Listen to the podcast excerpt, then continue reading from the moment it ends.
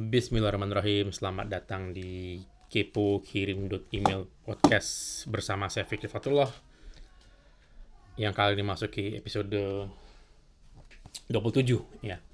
Dan kali ini kita akan bahas belakangan lagi heboh kasus Facebook di mana ada pencurian data tepatnya oleh sebuah perusahaan konsultan politik ya atau mungkin perusahaan promoter politik ya, political marketing gitu, yang bernama Cambridge Analytica ya, yang menggegerkan orang karena terbukti atau diperkirakan ya, bukan terbukti, itu mencuri 87 juta data pengguna Facebook di Amerika.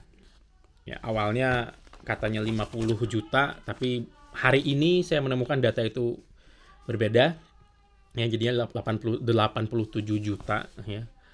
Dan kasus ini pertama kali di blow up atau dibongkar oleh seorang staff di Cambridge Analytica, di Cambridge Analytica yang bernama Christopher Wiley ya. Mungkin Anda bisa lihat videonya di YouTube, wawancaranya banyak sekali si Christopher Wiley ini. Atau Anda bisa melihat nanti video wawancaranya di kepo.blog ya cari episode 27 episode ini ya untuk semua catatan tentang hari ini termasuk link yang saya sebutkan di sini karena di sini akan banyak sekali saya menyebutkan link atau URL yang membuat diskusi ini akan semakin menarik ya. Nah, saya mungkin nggak akan begitu detail tentang politiknya karena saya tidak akan membahas politik, saya tidak kompeten membahas politik ya. Dan saya tidak mau ada politik di dalam kepo, mungkin seperti itu kira-kira ya.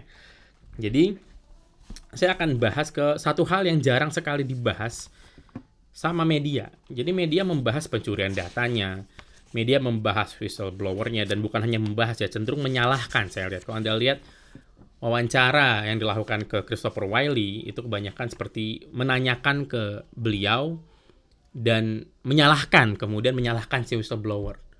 Jadi pertanyaannya direct apa yang Anda gunakan dengan data itu? Nah, itu nanyanya langsung ke dia gitu. Padahal ya kasihan sih saya lihatnya kasihan ya. Dia tidak nyaman menjawabnya karena ya dia banyak tidak tahu. Setelah dapat data itu, data itu ke mana dia banyak nggak tahu gitu loh. Ya. Jadi ya dia malah cenderung ditanya, disalahkan seolah-olah semua orang yang nanyain saya lihat ya semua video 100% video yang saya tonton itu kayak uh, nanya direct ke dia dan di satu wawancara kalau tidak salah itu bersama Wired atau Fast Company. Saya lupa akhirnya dia bilang, "Kenapa semua orang nanyain saya?" Sedangkan saya di sini adalah ya memblow up atau membongkar berita ini. Kenapa nggak tanya ke Cambridge Analytica? Kenapa nggak tanya ke Facebook? Ya. Benar. Itu yang kemudian pernyataan itu yang mengganggu pikiran saya sampai sekarang. Hari ini, tadi pagi, jam di Indonesia berarti tadi jam satu jam 2 pagi ya itu uh, Facebook akhirnya melakukan testimoni atau pernyataan ke Senat di Amerika senator-senator di Amerika tentang abuse atau pencurian data ini ya. Dan sebenarnya saya agak agak heran oke okay, ini tanggung jawabnya Mark dan kalau anda nonton testimoninya pagi tadi ya si Mark Zuckerberg ini tanggal 11 April saya nontonnya tadi pagi berarti sebelum saya rekam ini. Itu Mark me menjawab atau merespon Senat itu dengan sangat powerful menurut saya. Dia mengatakan saya, saya. Dia mengadres dirinya sendiri atau dia menyebutkan dirinya sendiri, saya.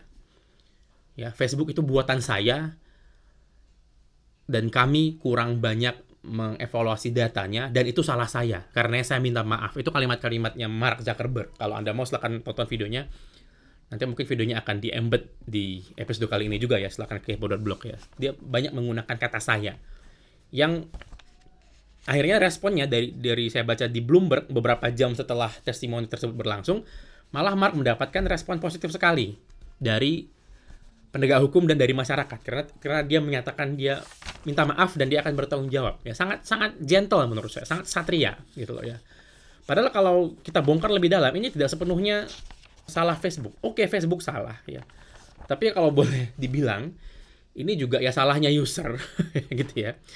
Dan salahnya uh, pihak ketiga, Cambridge Analytica dan pihak-pihak yang terkait. Karena tahun 2015 Cambridge Analytica itu membeli data dari sebuah pengembang dari sebuah pengembang aplikasi di Facebook. yang kemudian ketahuan dan Facebook memban aplikasi itu dan menyuruh si pengembang aplikasi dan Cambridge Analytica, Analytica menghapus datanya. Ini tahun 2015 ya. Sudah lama sekali, sudah tiga tahun yang lalu. Oke, jauh sebelum pemilu di Amerika, jauh sebelum Donald Trump. Ya. Yang tentu saja ternyata sekarang kita baru tahu bahwa ya Cambridge Analytica dan pihak-pihak terkait tidak menghapus data tersebut, malah memanfaatkannya. Oke, jadi tidak sepenuhnya kesalahan Mark. Ya lagi kalau kita sebagai pengguna Facebook ya, kita nggak ngikutin quiz yang diberikan sama Cambridge. Jadi Cambridge mencuri datanya tanda petik itu dengan menggunakan quiz. Ya. Kalau kita tidak ikut quiznya ya mereka dapat datanya. Sesimpel itu sebenarnya. Ya, jadi tidak sepenuhnya kesalahan Mark. Tapi ya saya lihat kebanyakan yang membahas, tidak semua, jelas tidak semua, tapi dari rata-rata berita yang saya baca, mungkin 9 dari 10 itu banyak membahas Cambridge Analytica, Analytica-nya banyak menyalahkan si whistleblower-nya dan tentu saja banyak nyalahin Facebook dan banyak nyalahin Mark Zuckerberg. Saya tidak membela Mark di sini, bukan, ya. Tapi 100% menyalahkan hanya Facebook dan Mark Zuckerberg buat saya juga tidak bijak, ya. Dan itu walaupun ini bukan yang akan kita bahas di sini intinya, bukan bukan itu inti episode kali ini, tapi saya harus menyatakan itu karena saya tidak setuju kalau hanya menyalahkan Facebook dan itu tidak akan buat saya me menyelesaikan masalah, malah menambah masalah karena dampaknya sekarang 10.000 apps lebih sekarang terkena dampaknya. Ya, banyak sekali yang merasa kebijakan-kebijakan Facebook, API-nya Facebook itu berubah dan kirim dot email salah satu perusahaan yang merasakan dampak tersebut. Ya, token API-nya jadi terbatas 90 hari yang tadinya mungkin unlimited, data yang bisa diambil sekarang jadi terbatas harus diintegrasi ulang dan lain-lain. Ya, jadi intinya kita yang tidak mencuri data pun terkena dampaknya. Ya, jadi inilah kenapa saya memutuskan untuk merekam episode kali ini karena ya saya merasakan dampaknya juga, udah mulai merasakan dampaknya sekarang ke perusahaan saya ya dikirim dot email. Nah, tapi bukan itu yang mau kita bahas ya. Ini supaya untuk menyamain aja ya. Yang mau kita bahas adalah dan yang jarang dibahas atau yang sepertinya dilupakan sama banyak media adalah bagaimana data-data ini dimanfaatkan untuk mengubah pendirian orang dan memilih Donald Trump. Artinya bagaimana menggunakan data-data ini untuk menginfluence atau mempengaruhi orang lain melakukan apa yang Cambridge Analytica mau. Atau yang, yang dalam hal ini ya karena Cambridge itu diperintahkan sama tim suksesnya Donald Trump ya. Maka intinya bagaimana mengarahkan orang-orang yang, yang diambil datanya ini untuk kemudian memilih Donald Trump gitu loh ya. Ini hal berbeda. Pencurian data itu satu hal, memanfaatkan data yang dicuri itu hal lain. Ya, jadi karena saya cenderung mengambil hal positif dari semua kejadian, ya, semua hal, semua segala sesuatu akan menjadi yang terbaik jika kita bisa mengambil yang terbaik dari segala sesuatu. Itu yang saya pelajari. Nah, saya berusaha mengambil yang terbaik dari kejadian ini walaupun ya sekarang dampaknya sudah mulai dirasakan atau kami di kirim email sudah mulai merasakan dampaknya dan sebentar lagi mungkin pengguna-pengguna kirim email ya mungkin Anda yang mendengar ini akan mendapatkan beberapa pengumuman dari kami ya tentang perubahan-perubahan kebijakan dari Facebook ya bukan hanya Facebook bahkan kemarin Pinterest bahkan Apple itu melakukan update security, update privacy dan kemudian mengumumkan ke penggunanya ya kita gitu loh. Nah, sekarang kita akan bahas yang, di, yang jarang sekali dibahas oleh media karena mungkin nggak nggak penting ya. Karena orang sudah merasa kecolongan haknya diambil gitu loh. Wah ini kan dataku ya dataku diambil. Jadi responnya itu angry marah. Delete Facebook hashtag delete Facebook di mana-mana bahkan foundernya WhatsApp yang di, sudah diakuisisi Facebook itu melakukan atau me, menyerukan untuk boykot Facebook Elon Musk ya bahkan menghapus halaman SpaceX, Facebook page-nya SpaceX dari Facebook.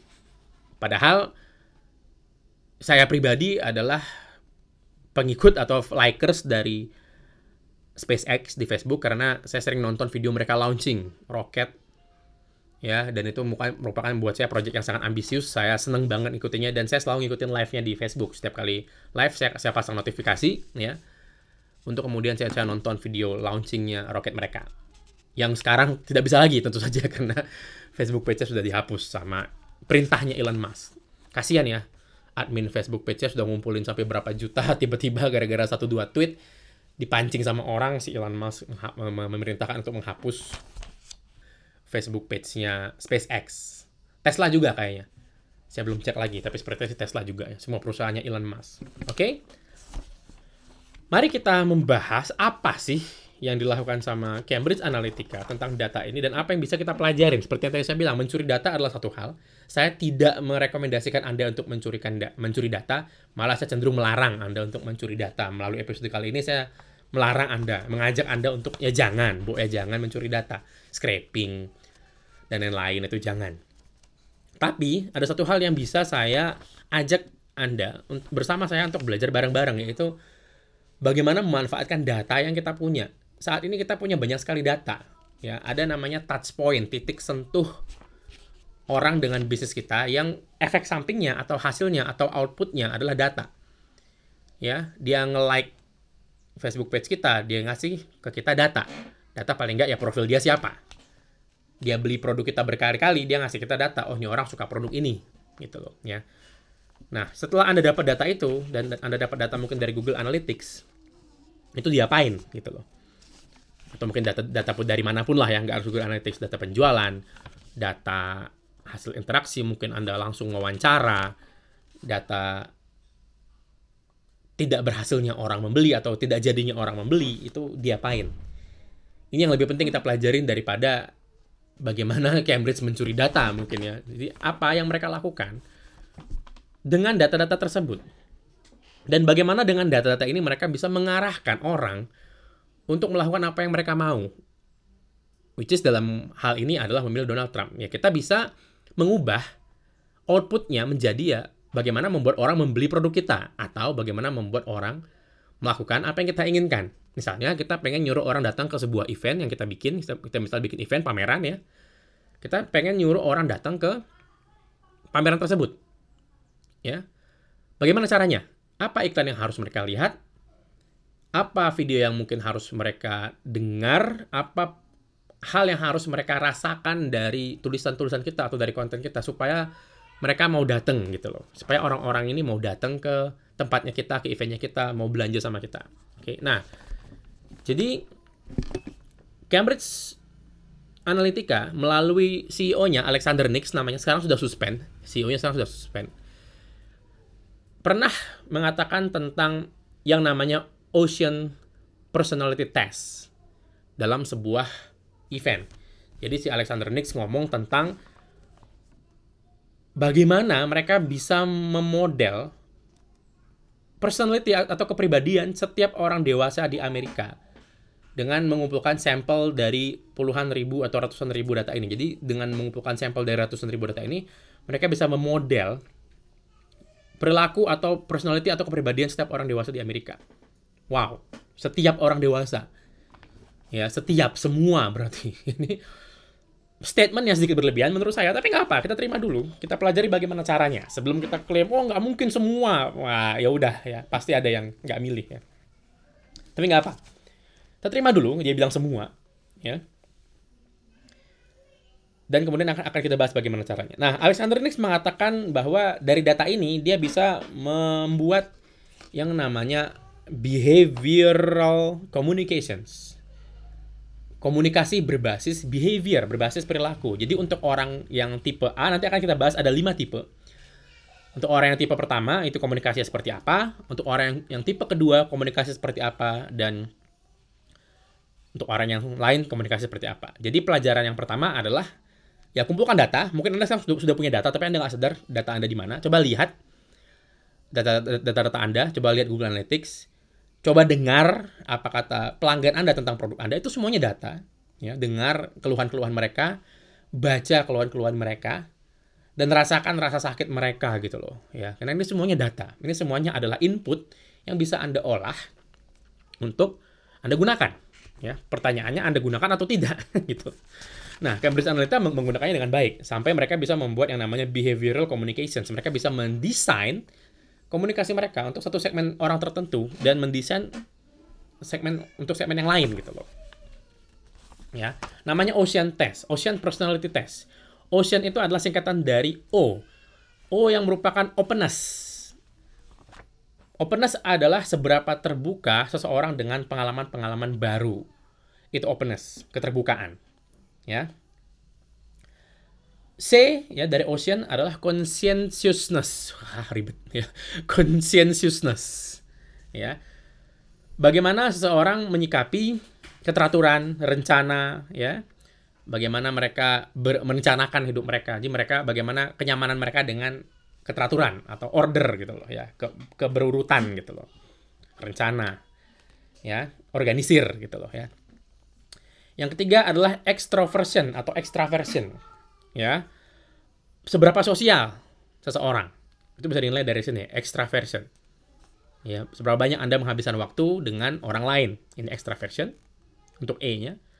Ocean A agreeableness ya, bagaimana seseorang mendahulukan orang lain sebelum dirinya sendiri, itu agreeableness. Oke. Okay. Dan yang terakhir adalah neuroticism. Neuroticism adalah apakah seseorang tersebut worry atau khawatir dalam jumlah yang tidak wajar lah gitu ya. Kekhawatiran yang banyak gitu. Neuroticism. Nah, itu dia tadi ocean. Sebegitu berhasilnya algoritma dari Cambridge Analytica ini, sampai katanya mereka bisa mengklaim ini dari sumbernya saya, saya baca dari BBC ya. Mereka bisa mengklaim kalau 10 like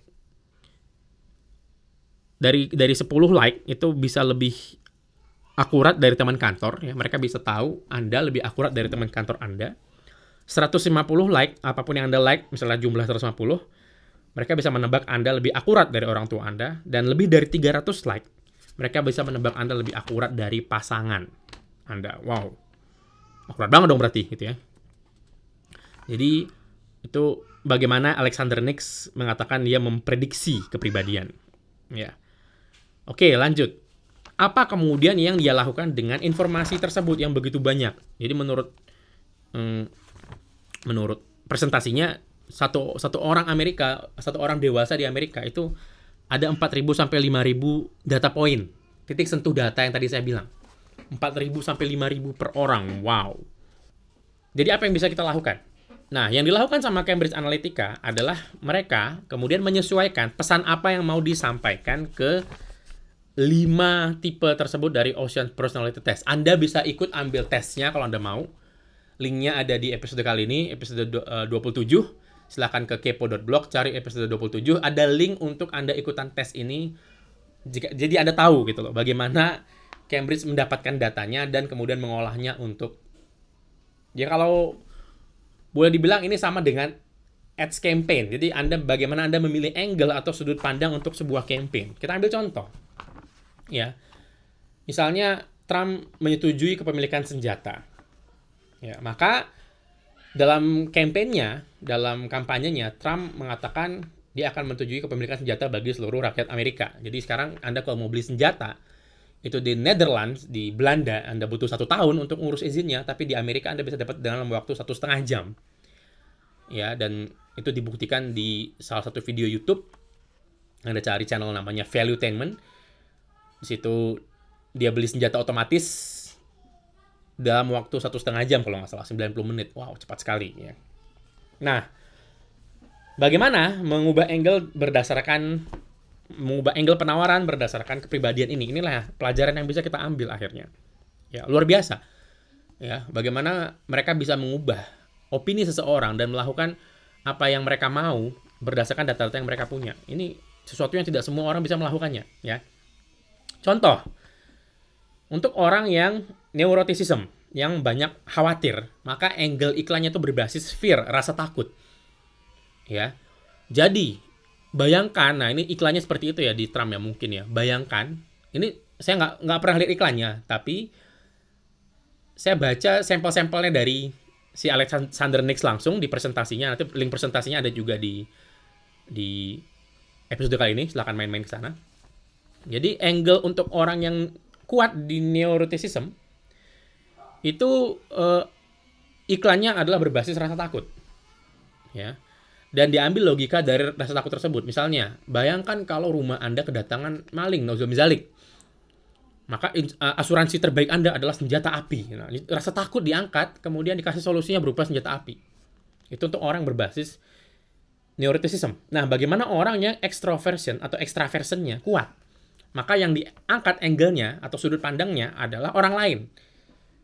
Bayangkan orang-orang yang Anda sayangi, bayangkan keluarga Anda itu diancam sama orang. Anda bisa ngapain? Nah, kalau Anda punya senjata, Anda bisa tembak tuh orang. Angle-nya seperti itu mungkin. Ya. Bagaimana untuk orang-orang yang openness? Ya, terbuka dengan pengalaman baru ya. Anda belum punya senjata, ini waktunya Anda punya senjata, merasakan hal baru, melindungi rumah Anda dengan cara yang baru, misalnya seperti itu. Ya. Jadi itu contoh perubahan-perubahan angle. Setiap poin dari Ocean ini, Ocean Personality Test itu ada keywordnya, ada kata kuncinya. Jadi orang yang kuat di openness itu keyword yang digunakan adalah imagination, imajinasi. Jadi angle yang didatangkan mungkin adalah angle-angle yang imajinatif, yang penuh insight gitu loh. Yang membuat mereka tertarik dan ingin nyelam ke sana. Misalnya tahun 2017 misalnya ada 10 pencurian yang di mana 9 digagalkan dengan senjata api. Nah, itu insight gitu loh, ya. Itu adalah pengalaman-pengalaman baru. Jadi dia diajak membayangkan bagaimana kalau rumah Anda juga mengalami, makanya pakai senjata. Itu contoh ya. Nah, orang yang kuat di consensusness atau yang tadi kuat di uh, order, plan, perencanaan, ya. Itu kata kuncinya adalah organize, keteraturan. Bagaimana kita bisa membuat sesuatu itu lebih teratur, lebih organize, ya. Orang yang kuat di extraversion atau extroversion itu kata kuncinya adalah energetic. Energetic itu banyak energi, banyak ngomong gitu loh. Ya, ketemu orang baru, ngobrol. Nah, kata-kata kuncinya seperti itu. Angle-angle iklannya seperti itu, ngobrol ya. Orang yang agreeableness, orang yang, meng, yang mengedepankan orang lain sebelum diri sendiri, itu kata kuncinya atau keywordnya adalah baik, simpati, perhatian, gitu-gitu ya. Dan orang yang neuroticism, itu kata kuncinya adalah resah, kekhawatiran. Ya, ketakutan tadi sudah saya contohkan ya. Nah, buat saya justru yang jadi, pelajaran banget untuk saya adalah bagaimana Cambridge Analytica kemudian mempengaruhi orang lain dengan data. Itu yang yang akan saya dalemin mempelajarinya mungkin gitu ya. Yang mungkin akan saya gunakan dikirim email ya. Itu kira-kira pendapat saya untuk kasus yang menimpa Facebook seperti ini. Dan sekarang ya kita sedang merasakan dampaknya dan makin ke depan makin nanti uh, makin ke sini gitu ya itu dampaknya akan semakin besar dan mungkin akan berpengaruh ke banyak hal dalam bisnis kita. Dan dampak paling mungkin paling kerasa ya di depan mata adalah hari ini saya menerima berita sesaat lagi sebelum rekaman ini tadi subuh-subuh di grup kirim email di grup internal kita itu heboh Rudiantara Menkominfo ya itu mengancam untuk memblokir Facebook lusa kalau Facebook tidak mengkonfirmasi jadi Pak Rudiantara itu meminta pertanggungjawaban sama Facebook. Kalau lusa Facebook nggak datang, maka Facebook akan di-ban dari Indonesia. Itu mungkin dampak yang merepotkan buat bisnis, ya. Ya, buat kami pribadi nggak masalah karena lagi ada database email, ya. Tapi ya akan banyak merepotkan pebisnis online di Indonesia deh, ya. Ya lagi saya agak nggak suka harus mengatakan sama Anda di momentum seperti ini tapi ya sekarang adalah waktu yang tepat untuk Anda mengumpulkan database. Jadi sepahit apa pun mulut saya mengatakannya, saya harus mengatakannya. Bukan karena saya jualan layanan email marketing, tentu saja bukan. Tapi ya karena ya lagi ini tanggung jawab Anda sama bisnis Anda, tanggung jawab Anda sama pelanggan Anda, ya. Itu aja mungkin dari saya, ya. Semoga eh, blog pemblokiran Facebook di Indonesia sifatnya hanya sementara ya kita kita pernah kita belajar dari Telegram kemarin bahwa kalau seseorang dari sana ngerespon dan ngerespon dengan baik mengikuti apa maunya Pak Rudiantara, maunya Indonesia mungkin tepatnya ya. Karena Pak Rudiantara mewakili Indonesia, regulator di Indonesia. Maka pemblokiran-pemblokiran bisa dibatalkan. Telegram batal diblokir ya.